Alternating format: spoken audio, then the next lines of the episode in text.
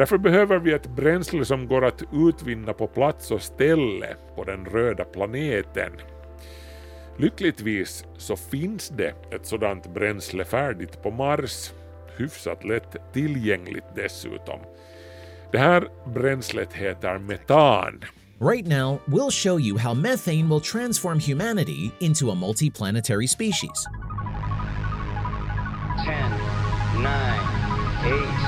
ignition sequence start. 5, 4, 3, 2, 1, 0. Quantum leap.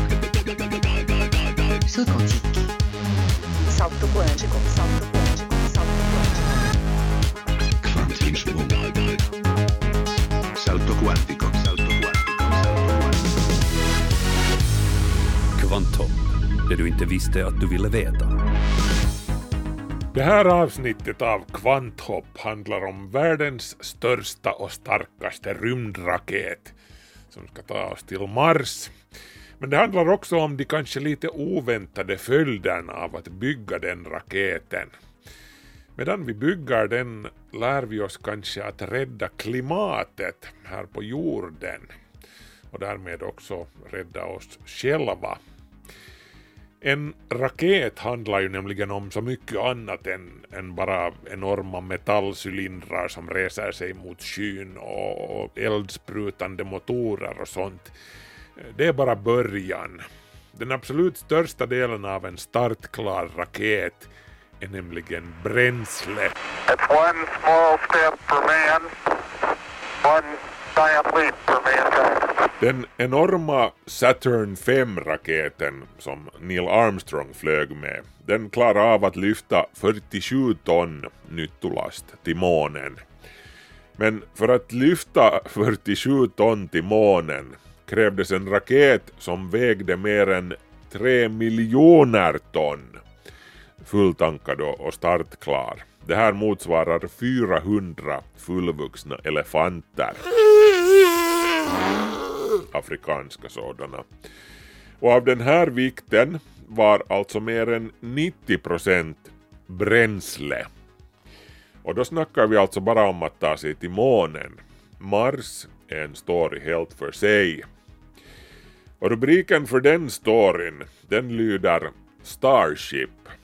Så heter raketen som ska ta oss till den röda planeten om Elon Musk får sin vilja igenom. Och det tenderar han att få förr eller senare. Om den raketen och om hur den bokstavligen kan komma att ta sin drivkraft från luften handlar det här avsnittet av Kvanthopp.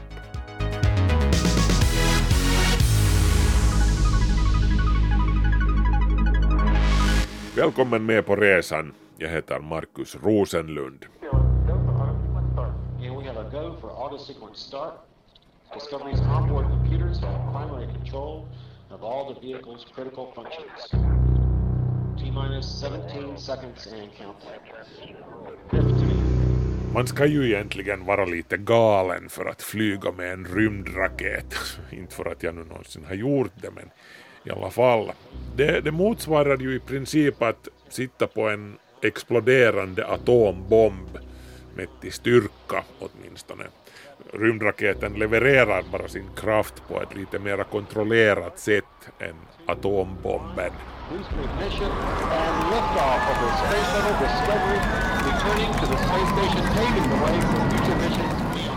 Vill du ta dig till Mars eller vilken annan planet eller måne som helst så måste du allra först övervinna jordens gravitation. Det här kräver att du behöver uppnå en viss hastighet som kallas flykthastighet. Flykthastigheten är alltså den hastighet som krävs för att man ska kunna ta sig bort från en himlakropp utan att dras tillbaka ner av gravitationen. Jordens flykthastighet är cirka 11 kilometer i sekunden, det vill säga 39 300 kilometer i timmen.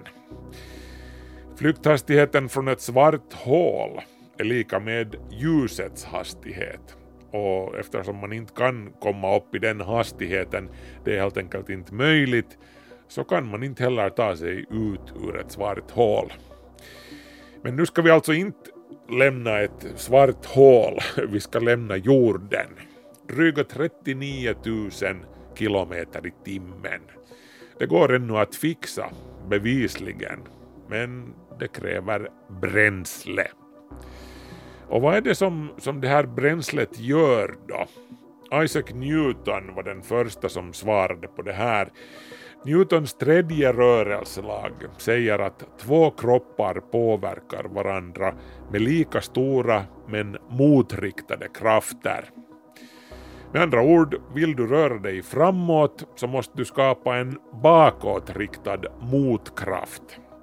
Det är där som bränslet kommer in. Eh, raketbränsle, till exempel kerosin, reagerar kemiskt med syre. Det brinner på svenska. Och det här frigör energi. Det här i sin tur kastar reaktionsgaserna bakåt. Vilket alltså sen knuffar rymdfarkosten framåt. Allt enligt Newtons tredje rörelselag alltså. Formeln för drivkraft är ganska enkel, den går så här. Drivkraft, som alltså mäts i Newton, är lika med utströmningsmassan mätt i kilogram gånger utströmningshastigheten mätt i meter per sekund. Hängde ni med? Lite förenklat handlar det alltså om att den som vill ta sig uppåt och ut ur jordens tyngdkraftsbrunn måste kasta ut någonting från nedre ändan med en jäkla kraft. Och ska du ta dig till månen till exempel så behöver du attans mycket stuff att kasta ut där bak. Du behöver också en attans bastant raket som kan hantera den här kraften som det här ger upphov till. För en resa till månen och tillbaka hem därifrån behöver du 632 kilogram raket, bränsletank och bränsle för varje enskilt kilo som du vill lyfta från jorden och återvända till jorden med. Inklusive din egen kroppsvikt och dina medastronauters kroppsvikt. Och det mesta av det bränslet gör du av med direkt i starten Saturn 5-raketen som knuffade Armstrong och grabbarna till månen till exempel, den förbrukar 22 ton bränsle per sekund under de två första minuterna efter nedräkningen. På en tiondels sekund brände Saturn 5 lika mycket bränsle som Charles Lindberghs flygplan förbrukade under hela resan över Atlanten 1928. Bidding farewell to his mother, Charles Lindbergh climbed aboard the Spirit of St. Louis, the plane he helped design. Och då snackar vi alltså inom citat bara om månen. Mars är sen i en klass helt för sig. För att du ska kunna ta dig till Mars och tillbaka hem behöver du mer än tio gånger mera bränsle än i exemplet med månen. Det vill säga dryga sex ton bränsle per varenda ett kilogram som du ska återvända med från Mars.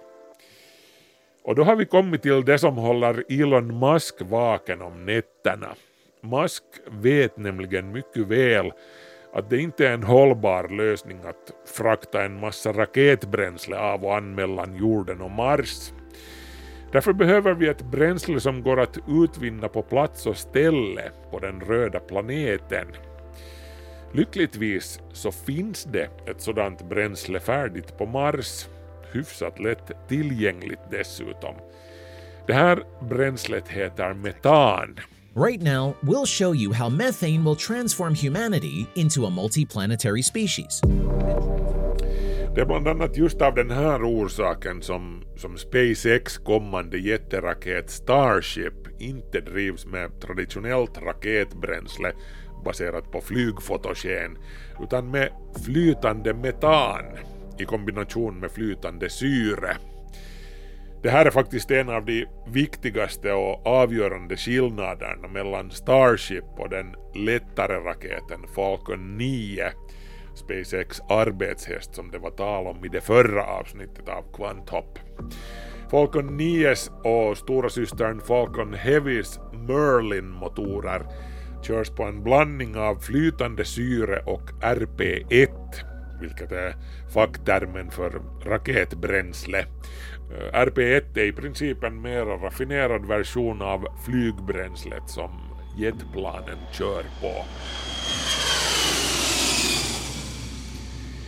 Det enklaste och, och renaste skulle ju i och för sig vara att använda flytande vete som raketbränsle. Vete är liksom universums vanligaste grundämne. Då vete brinner är den enda avgasen som uppstår vanlig vattenånga. Och, och det sotar inte ner motorerna heller när du kör med vete.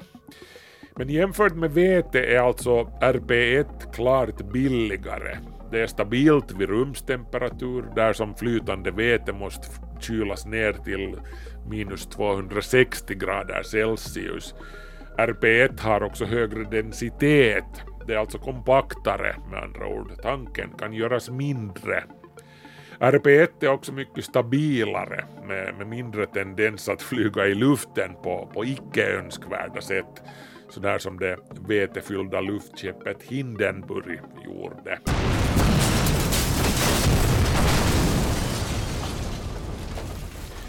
Så summan av kardemumman är alltså att det traditionella raketbränslet RP1 är mera praktiskt än flytande vete, även om RP1 ju är ett fossilt bränsle, vilket inte är bra ur klimatets synvinkel. Men majoriteten av de nuvarande raketerna flyger i vilket fall som helst på RP1, eh, inklusive Soyuz, Delta, Atlas, Antares och som sagt Falcon. Däremot så har Elon Musk och SpaceX som sagt valt att gå en annan väg med tungviktaren Starship. Starships mäktiga Raptor-motorer drivs alltså med flytande metan och flytande syre, bäggedera nedkylda till superlåga temperaturer. Metan är i princip det näst bästa raketbränslet efter rent vete. Annars är ju metan ett elände. Det är en otroligt potent växthusgas, men no, det är en annan femma i det här sammanhanget. Metan uppstår alltså i samband med nedbrytning av organiskt material i syrefattiga miljöer, till exempel i kärr. Följaktligen kallas metan också för sumpgas. Det som vi kallar naturgas är i princip huvudsakligen metan. Det utvinns i samband med oljeborrning. Metan är ett kolväte i stil med till exempel bensin och diesel som också består av kolväten. Men metan är det enklaste av alla kolväten och det har den högsta energitätheten per kolatom. Det här gör att metan frigör den minsta mängden koldioxid per energienhet av alla kolväten när man bränner det. Det brinner också renast av alla kolbaserade bränslen. I praktiken frigörs ingen kväveoxid, svaveldioxid och partiklar när metan brinner. Därför är ett biogaskraftverk bättre än ett kolkraftverk eller en dieselgenerator till exempel.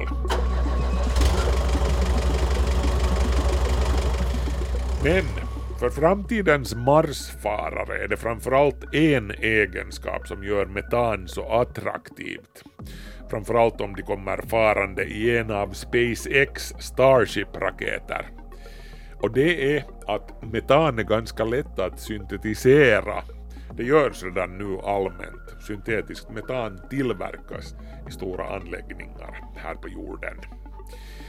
Metan är väldigt praktiskt. Du kan tillverka det av ingredienser som ligger och skräpar lite varstans. Inte bara här på jorden utan överallt i solsystemet. Som koldioxid och vatten. Bäggedera finns i rikliga mängder på Mars. Och det här skulle ju innebära en lösning på problemet som jag nämnde i början. Svårigheten med att åka i princip vart som helst, om det sen är månen, Mars eller Mässkär, är att det inte finns några bensinmackar där. Så allt bränsle du behöver för att åka dit och komma tillbaka med en raket som går på vanligt raketbränsle, det måste du ha med dig när du åker. Så därför kan du fixa nytt bränsle för hemresan på din destination. Då kan du ju åka iväg med betydligt lättare bagage. Och jo, MacGyver skulle säkert också kunna tillverka metan på mässkär med ett ficklampsbatteri och sin trogna schweiziska fickkniv. Alright, MacGyver, think. Sen skulle han konvertera sin Evinrude till att gå på metan och sen, sen skulle han köra hem. It just might work.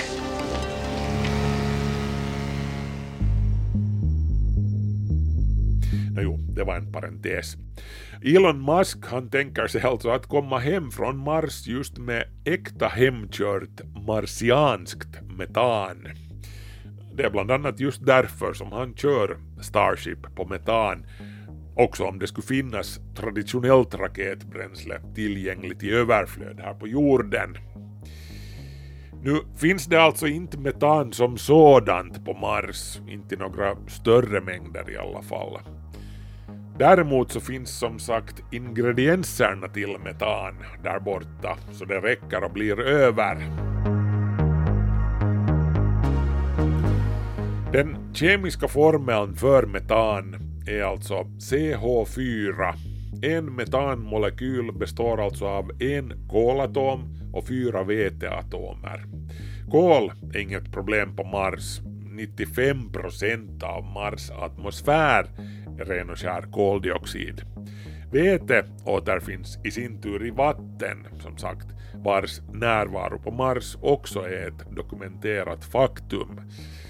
Dock inte just i flytande form, men eh, desto mer i form av is vid polerna och under ytan på mellanlatituderna också. Och vatten går sedan att spjälka till syre och vete ganska enkelt med hjälp av elektrolys. Man kör alltså en elström genom vattnet och så bubblar det upp vete och syre som man tar tillvara. Syret kan ju marsfararna sen använda till att andas, så också det är bra att ha om vi säger så. Vetet kombinerar man sen på kemisk väg med koldioxiden från planetens atmosfär med hjälp av en kemisk process som kallas Sabatier-reaktion. För den här Sabatier-processen skulle SpaceX använda zink som katalysator. NASA använder faktiskt redan nu Sabatier-reaktionen på internationella rymdstationen till att tillverka vatten av koldioxiden som astronauterna andas ut kombinerat med vete. Metanet som uppstår i, i samma veva det släpper man ut i rymden från, från internationella rymdstationen.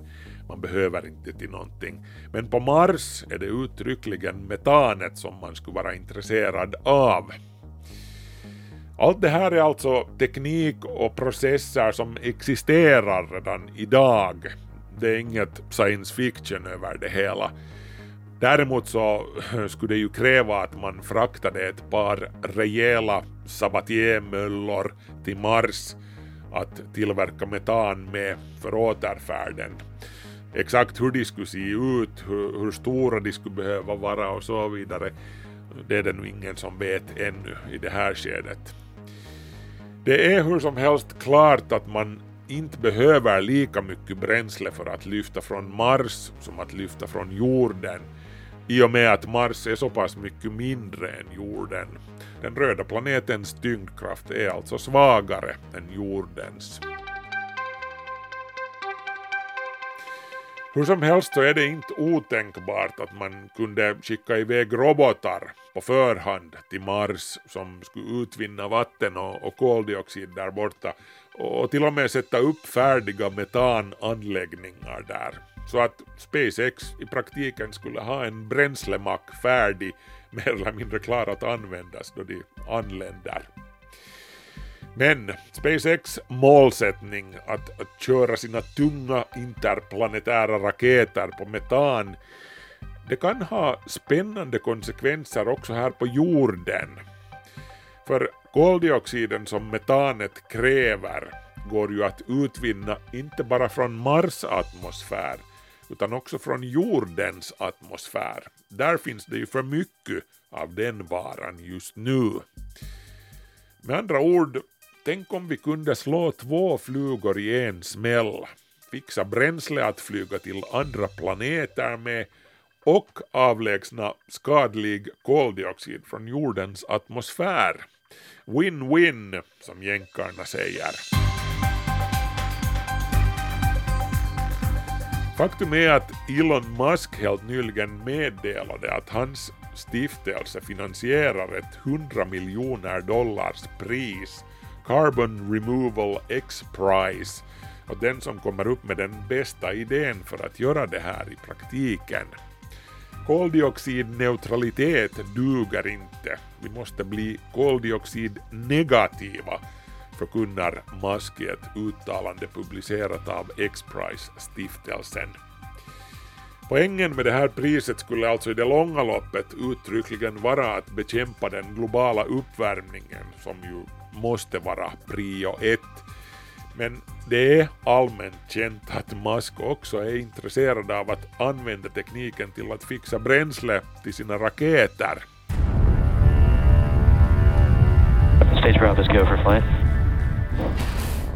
I och för sig, det här skulle ju också ha konsekvenser för hur vi tankar våra bilar. Jag menar, tänk nu om man kunde tillverka bränsle av luft, bokstavligen. Och, och faktum är att det finns redan nu experimentella anläggningar som kan tillverka diesel av tillvaratagen koldioxid från luften men den här processen är på tok för långsam och dyr för att vara till någon praktisk nytta. Åtminstone tills vidare. Men 100 miljoner dollar, det kanske sätter sprätt på de små grå cellerna hos någon som tänker i de här banorna. Är det någon som känner sig hugad nu så, så är deadlinen för bidragen till tävlingen alltså i april 2025.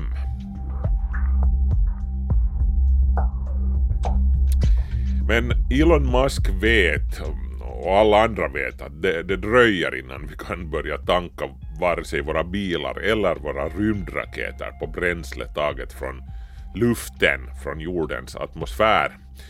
Och SpaceX de kommer att behöva stora mängder metan till sina Starship-avfyrningar redan i den nära framtiden. Så de har planer för, för mera traditionell metanutvinning också.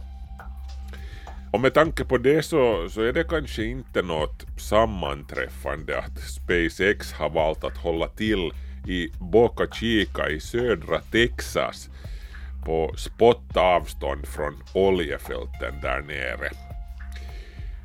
Det är ju faktiskt inte så lite ironiskt det här. Elon Musk, han är ju kanske vår tids främsta profet när det kommer till fossilfritt. Musk är grundaren och ägaren bakom elbilstillverkaren Tesla.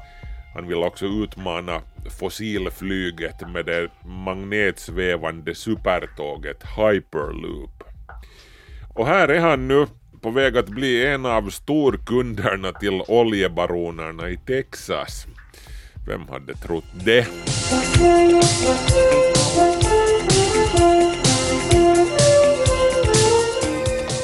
Men så här är det alltså. Starbase, som SpaceX raketbas alltså heter, kommer att matas med bränsle från minst fem naturgaskällor i närheten av basen. Dessutom kommer elströmmen som SpaceX behöver att produceras av två naturgasdrivna kraftverk.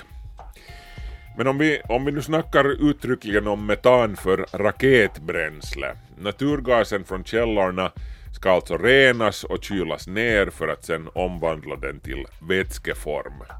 Sen behövs det bara flytande syre och så är Starship redo att gasa iväg mot månen eller Mars. Bokstavligen gasa, naturgasa.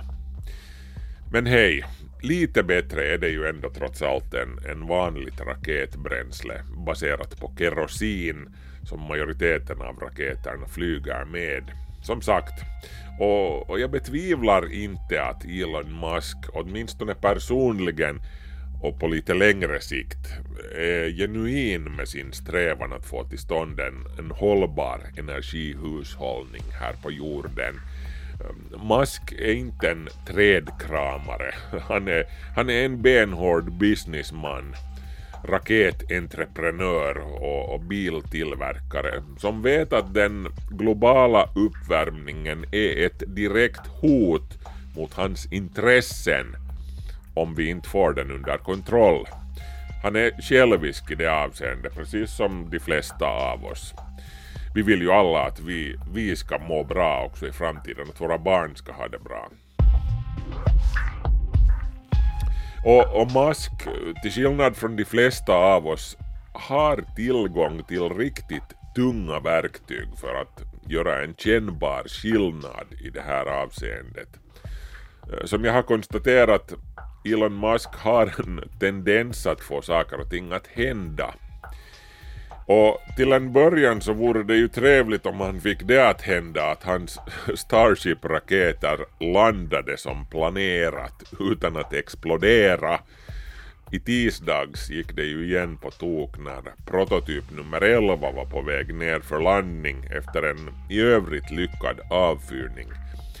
I skrivande stund så är det inte riktigt klart vad som hände men tydligen så drabbades raketen av någon riktigt rejäl störning. Kaboom sa det sen bara.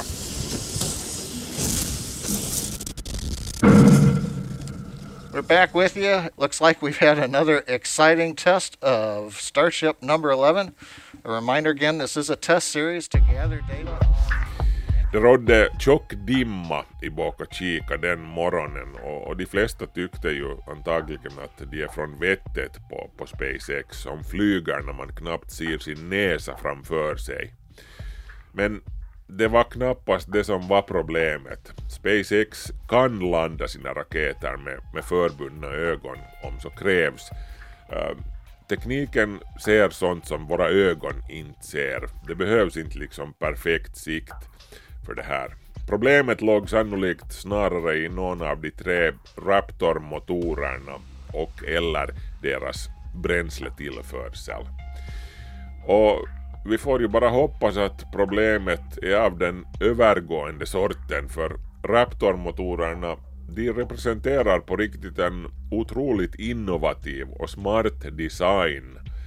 Helt klart ett av de största framstegen inom raketteknologin på flera årtionden. Raptor bygger på en så kallad fullt flödes stegvis förbränning eller Full Flow Staged Combustion, FFSC, som kör både bränslet och oxidatorn, alltså både metanet och syret i Raptorns fall då, genom sina egna förbrännare och sina egna turbiner innan de leds ut i raketmunstycket. På det här sättet används 100% av bränslet till att skapa lyftkraft medan en vanlig raketmotor dumpar en del av utflödet som avgaser. En fullflödesmotor blir alltså effektivare och kan göras mindre och kompaktare så du får in flera motorer i en och samma raket. Three, two, one bättre. Motorn blir också i, i princip åtminstone tillförlitligare och den får en längre livslängd än en vanlig motor. Raptor-motorerna ska i teorin klara av tusen flygningar utan problem. Lägg sen till ännu att Raptor alltså körs på flytande metan och syre. Metan brinner som sagt renare än vanligt raketbränsle. Så det borde bli mindre problem med, med sot som proppar igen motorn. Uh, på fullflödesmotorns minussida har vi sen det faktum att en fullflödesmotor är mer komplicerad till sin uppbyggnad och, och innehåller fler komponenter än en vanlig raketmotor. Så, så det kan ta sin tid innan de får den rattad in så att allt fungerar ihop liksom.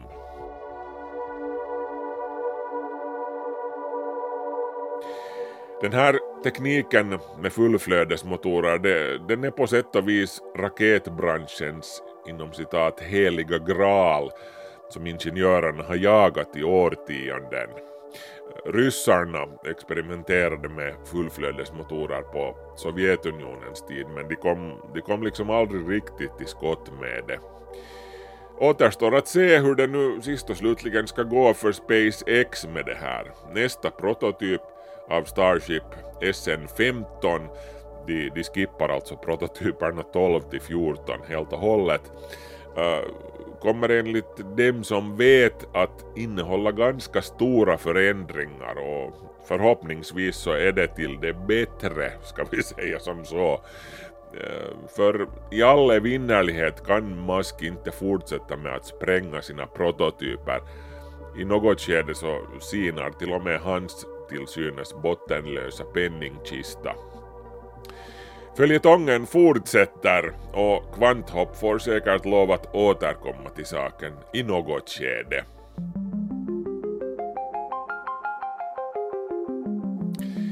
Nu är Kvanthopp hur som helst slut för den här gången. Har ni ärende till oss så, så når ni oss på kvanthoppsnabelayle.fi eller via vår Facebook-sida. Markus Rosenlund önskar nu en riktigt trevlig påsk till allesammans. Ha det så bra, hej så länge!